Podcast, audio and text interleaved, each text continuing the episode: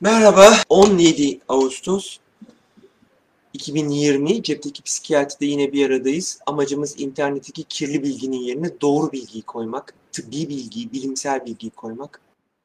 Bir koruyucu hekimlik uygulaması olarak psikiyatrideki doğru bilgileri yaymak, psikiyatriyi kolay ulaşılabilir hale getirmek, evinden çıkamayanlar, hastalar, yurt dışındaki hastalarımız, e, psikiyatriye ulaşamayanlar için telepsikiyatri, kamera ile görüşmeyi yaygınlaştırmak, tanıtmak, duyurmak, e, 10 dakikada psikiyatrik bir konuyu anlaşılabilir halde hap gibi anlatabiliyorsak diğer e, şeyleri de anlatabilir, konuşabilir, yaygınlaştırabiliriz diye düşünüyorum.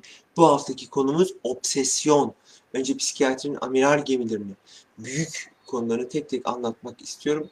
Sonrasında küçük küçük çok daha niş, çok daha küçük alanlara girmek gireceğim tek tek anlatacağım. Yani psikiyatri ve sodyum eksikliği gibi. Bugün anlatacağım şey obsesif kompulsif bozukluk. Obsesif kompulsif bozukluk nedir? Obsesyon bir kişinin aklına gelen ısrarlı, zorlayıcı, kişinin de saçma olduğunu bildiği düşüncelerdir. Tahtaya vurmazsam annem ölecek gibi saçma düşüncelerdir. Bu düşünceler ısrarlıdır, kişiye yabancıdır, kişiye çok e, acı çektirir. Obsesyon bizim için kendi aramızda ruh kanseri dediğimiz şey gerçekten e, kişi düşündüğümüzden daha çok acı verebiliyor. Kompüsyon ne? Aklımıza gelen düşünceyi, kişinin aklına gelen düşünceyi giderebilmek için yaptığı işte tahtaya üç kez vurmazsam annem ölecek diye annem ölecek obsesyon, tahtaya vurmam kompüsyon. Bu illa eylem olmak zorunda değil. E, tam secdeye vardığımda Allah'a küfretmek geliyor aklıma. O zaman ben işte birkaç tane dua okuyorum. Yedi kere şu duayı okuyorum. İlla eylem olmak zorunda değil. Düşünce de olabilir bu kompüsyon. Bunun sürekli olduğunu düşünün. Yani sürekli olarak yıkandığınızı, sürekli olarak elinizi yıkadığınızı, sürekli olarak tekrar ettiğinizi, kişinin hayatına engel olan, yaşamasını çok zorlaştıran, çok ciddi sıkıntı yaratan bir hastalık e, toplumda yüzde üç oranında görüldüğü söyleniyor. Katılmıyorum. Özellikle Türk toplumunda yarın konuşacağız. Önemli farkları var çünkü. Obsesif kompulsif kişiliği konuşacağız. Yüzde onun geçtiğini düşünüyorum. Türk kadını e, normal testlerde dünyada uygulanan kişilik testlerinde obsesif kompulsif çıkar. Kültürümüz de buna çok uygun. Daha temiz, daha beyaz, daha düzenli kadın bize yüceltilir. Fakat bunun erkeklerde de var. Çünkü aynı anneler yetiştiriyorlar çocukları. Aynı kişiler e, büyüyor. Bu yüzden de ben %3 olduğunu düşünmüyorum. Benim gözlemlerim toplumun %10-15'inin doğrudan obsesif kompulsif bozukluk ya da kişilik olduğu doğrultusunda bozukluk seviyesinde en azından 20 kişiden birinde %5'inde vardır. Fakat obsesifler kendini çok iyi gizlerler bu takıntılarını anlayamazsınız. Zaten zeki, titiz, mükemmelliyetçi insanlardır. İşlerinde çok başarılıdırlar. Acıyı kendileri, eşleri ve çocukları çeker. Onlar çok acı çekiyorlar. Yoksa çevre için çok iyi. Yani adam çok titiz, temiz, düzenli, kurallara uyuyor. Bu anlamda baktığınız zaman mükemmel vatandaşlar tırnak içinde. Hangi obsesyonlar var onları konuşalım. Psikiyatri Derneği'nin sitesinden konuşalım bunu da. Kirlilik obsesyonları var. Kişi bulaşacak bana. Bulaşmaya da benziyor aslında. Ama e, her tarafı peçetede tutan yanında kolonyayla gezen ki koronadan sonra çok arttı bulaşma obsesyonu. Bu kirlenme obsesyonu en çok banyoda e, ya da el yıkama ile ilgili gösteriyor kendini. E, ben işte 4 saat falan banyoda kalıp bornoza sarıp getirilen hastalar anımsarım. Bu bulaşma obsesyonlarının kirlilik obsesyonları, her obsesyon bir diğeriyle karışabilir. Biri indiği, kaybolduğunda bir başkası çıkabilir. Örneğin kirlenme obsesyonunuz dini obsesyonla bulaşabilir. En yaygın gördüğümüz e, işte kişi abdest alır, gusül abdesti alır, e, bir su sıçradı, olmadı diye bir daha alır, olmadı diye bir daha alır, bir daha alır. Saatler sürer banyodan çıkması.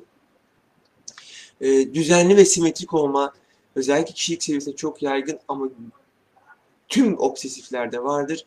Belli bir alanda e, eğri bir tabloya dayanamaz, eğri bir halıya dayanamaz. Kendi koyduğu şey kendi bulunduğu yerde olmalıdır. her şey simetrik olmalıdır. Gardırobun içi vesaire gibi.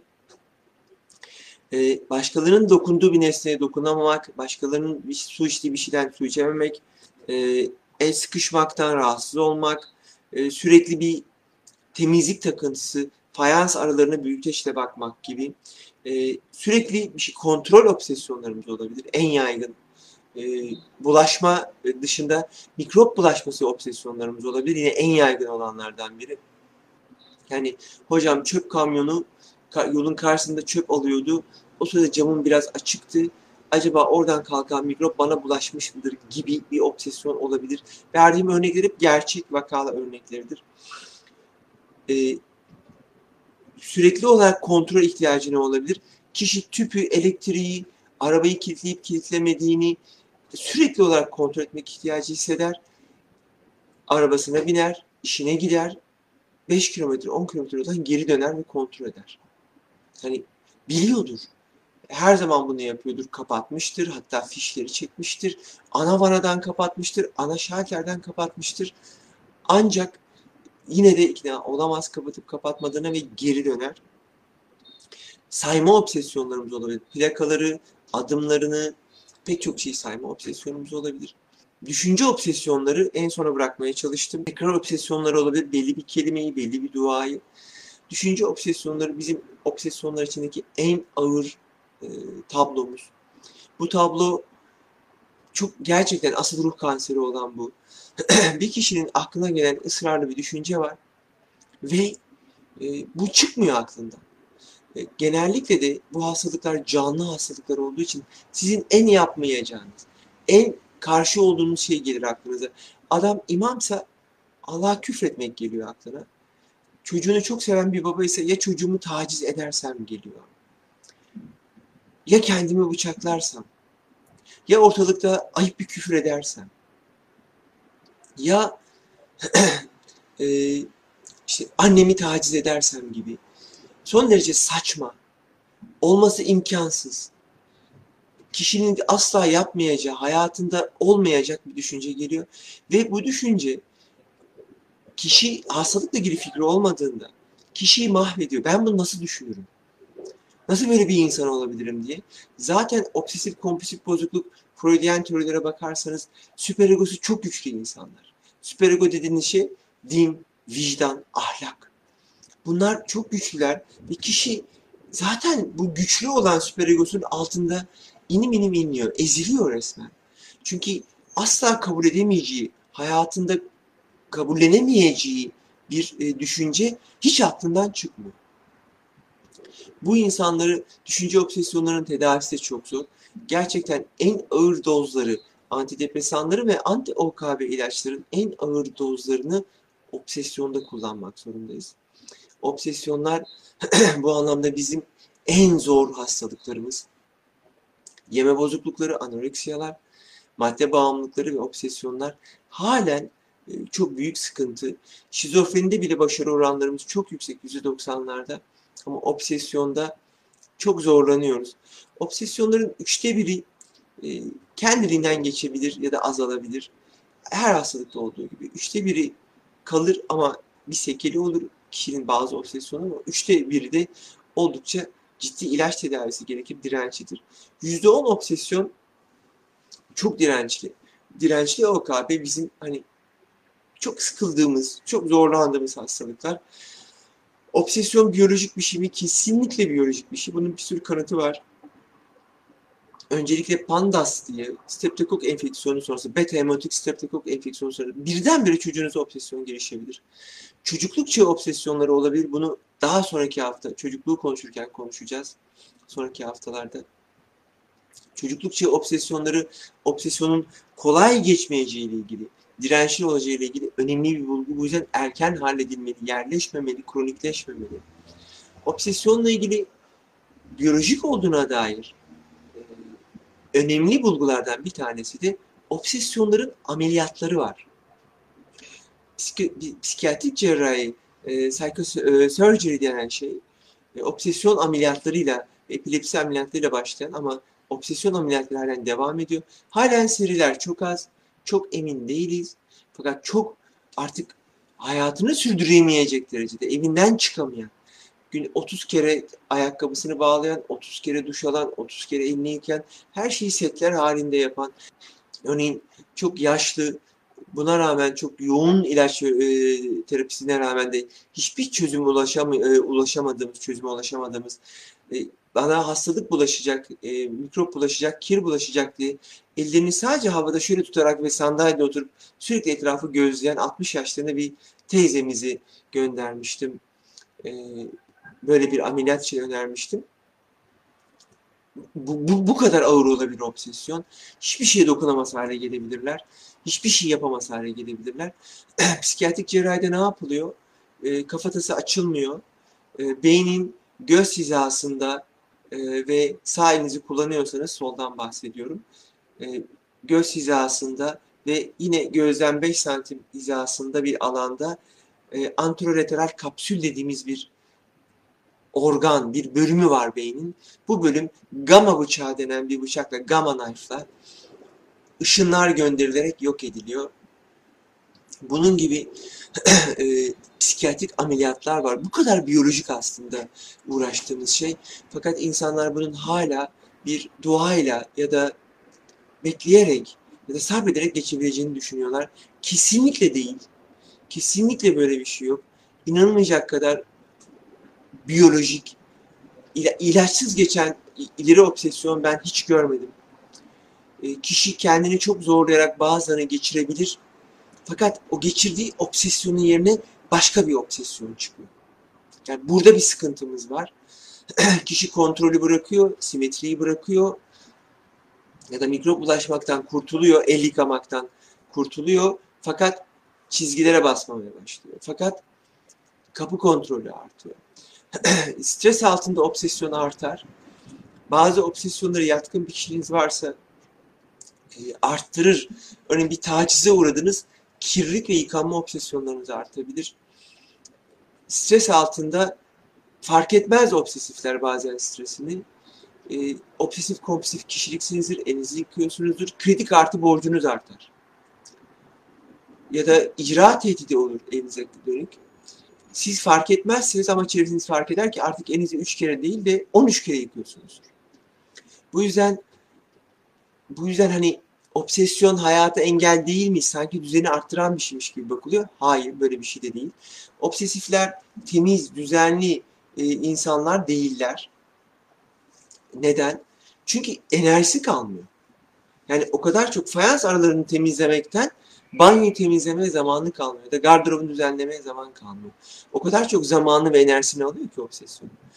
Bu yüzden de bunu durduramıyoruz. Mutlaka tedavi gerekir. Yani böyle yaşamayın. Bir işkence, tekrar söylüyorum. Obsesyon psikiyatrideki kendi aramızdaki lakabı ruh kanseri. Kişi inanılmaz acı çektiriyor ve zarar veriyor. Önümüzdeki yarın obsesif kompulsif kişiliği konuşacağız. Bence çok önemli çünkü bir sürü kaygı bozukluğunun, paniğin, yaygın anksiyetesinin altında var. Komorbid, birlikte olan hastalıklar bunlar. Sonrasında diğer obsesif kompulsif spektrumu konuşacağız. Bir spektrum bu. Beden dismorfik bozukluğu, hipokondriyazis bunların hepsi aslında obsesyonla çok komşu hastalıklar. o spektrumda bunları konuşacağız. Sonra tedavisini konuşacağız ve Cuma günü de gündemden bir konu seçeceğiz ya da sorularınızı alacağız. Onları konuşacağız. Şimdi soruları konuşmak istiyorum. Yasin Bey günaydın size de. Halis Bey fanlardan biri oldu. Şizo obsesif bozukluk görülen obsesyonlar, özellikle düşünce olanlar, ruminasyonlar, geviş getirmeler, tekrar tekrar düşünmek, aynı şeyi tekrar tekrar kafadan geçirmek, sadece obsesyonda değil, depresyonda, anksiyetede de olur. Kişi o düşünceyi atamaz. Sürekli o düşünce geçer kafasında. Nasıl, ne kadar rahatsız edici olsa da hastalığın şizofreni dönüşmesine engelleyici bir fonksiyonu olabilir mi? Yani bir nevi, nevi hastalığın afektif düzeyde kalmasını sağlayan sigorta görevi görebilir mi? Halis Bey eğer baş edebilirseniz haklı olabilirsiniz. Zaten aşırı değerli düşünce ruminatif düşünce, obsesyon ve hezeyan diye gider düşüncenin gücü.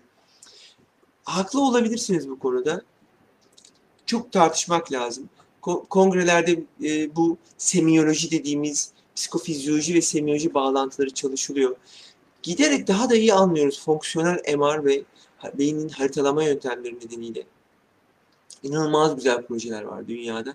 Anlayacağız beyni. 19 yani 35 bin yılla 1980 arasında beyni anladığımız yolla e, 1980-2000 arasında anladığımız yol arasında 100 kat fark var. 80 20 yılda 35 binde anladığımızın 100 kat daha ötesine geçtik. 2000 ile 2020 arasında beyni anlama miktarımız inanılmaz arttı. Çok daha iyi biliyoruz. İlaçlar anlamında, müdahale anlamında, tedavi anlamında çok daha iyiyiz. Daha iyi anlayacağımızı düşünüyorum e, gelecekte. Ama çok uzak bir gelecek değil. 10 yıl içinde. Haklısınız. Şizo OKB çok karmaşık bir kavram. O spektrumda bunu konuşacağız. Hatta e, yani belki size dönük bir kanıt da olabilir bu. Şizofreni bir genç hastalığıdır ve şizofrenin üçte biri obsesyonlarla başlar. Yani gençseniz, kuşkularınız, kuşkuculuğunuz varsa, kalabalığa katılamıyorsanız, sosyal olarak izoleyseniz ve e, takıntılarınız varsa biz tedirgin oluruz. Yani obsesyon tedavi ederiz ama psikozdan da çok tedirgin oluruz ve dikkatle izlemek gerekir. Gerçekten şakası olmayan, kişiyi sakat bırakan, evden çıkarmayan, yok eden hastalıklar. Bu yüzden asla ve asla hafife alınmamalıdırlar. Asla ve asla küçümsenmemelidirler. Ne olursa olsun lütfen yardım alın. Danışın. Aile hekimi olabilir, danışın. Bir danışanımız e, sormuş. Hastalıklarım var, depresyonum var ama ilaç kullanıyorum. Fakat internette izlediğim bir video var. Bu videoda bağımlılık yaptı. Bir kere bile almasa mahvoldu. Yorumlar çok kötü diye yazmış. Şimdi o videoları biliyorum. Hatta e, beyefendinin kendisi antipsikiyatrinin Türkiye'deki bayrakları öncüsü olduğunu söylüyor. Kendisi ODTÜ mezunu bir fizikçi. Sanırım psikiyatrik tedaviler de almış. Kendi yazdığı için söylüyorum. E, bunun e, bu, bu çok önemli bir konu. Elbette ki bizim ilaçlarımızın yan etkileri var. Elbette ki bazıları benzodiazepin grubu kontrollü reçete olanların bağımlılık riskleri var. Fakat gündelik hayatta en çok bağımlılıktan girelim. Kullandığımız bağımlılık yapıcı şeyler kafein, tein, nikotin ve alkoldür. Esrar neredeyse tüm dünyada serbest bırakılmak üzere. Fakat psikiyatri ilaçların bu anlamda acı çıkmış. İlaçlarımız yan etki yapar mı? Elbette yapar. Fakat en çok çocuk öldüren, en çok zehirleme yapan ilaç aspirin ve parasitamoldür. Evde bulunan tamol ya da ne bileyim majizik gibi ilaçlardır. Ya da şu an bir insan bedenine en uzun etkili zarar verecek ilaçlar ne yazık ki cildi ilaçları. Yani Roakutan grubu ilaçlar ve peynir ekmek gibi yazılıyorlar. Roakutan kullandığınızda 6 ay kan veremezsiniz. Psikiyatri ilaçların bu anlamda adı çıkmış. Fakat bizim ilaçlarımız uzun süre kullanılır. Ne yazık ki daha önce de bir sürü anlattım.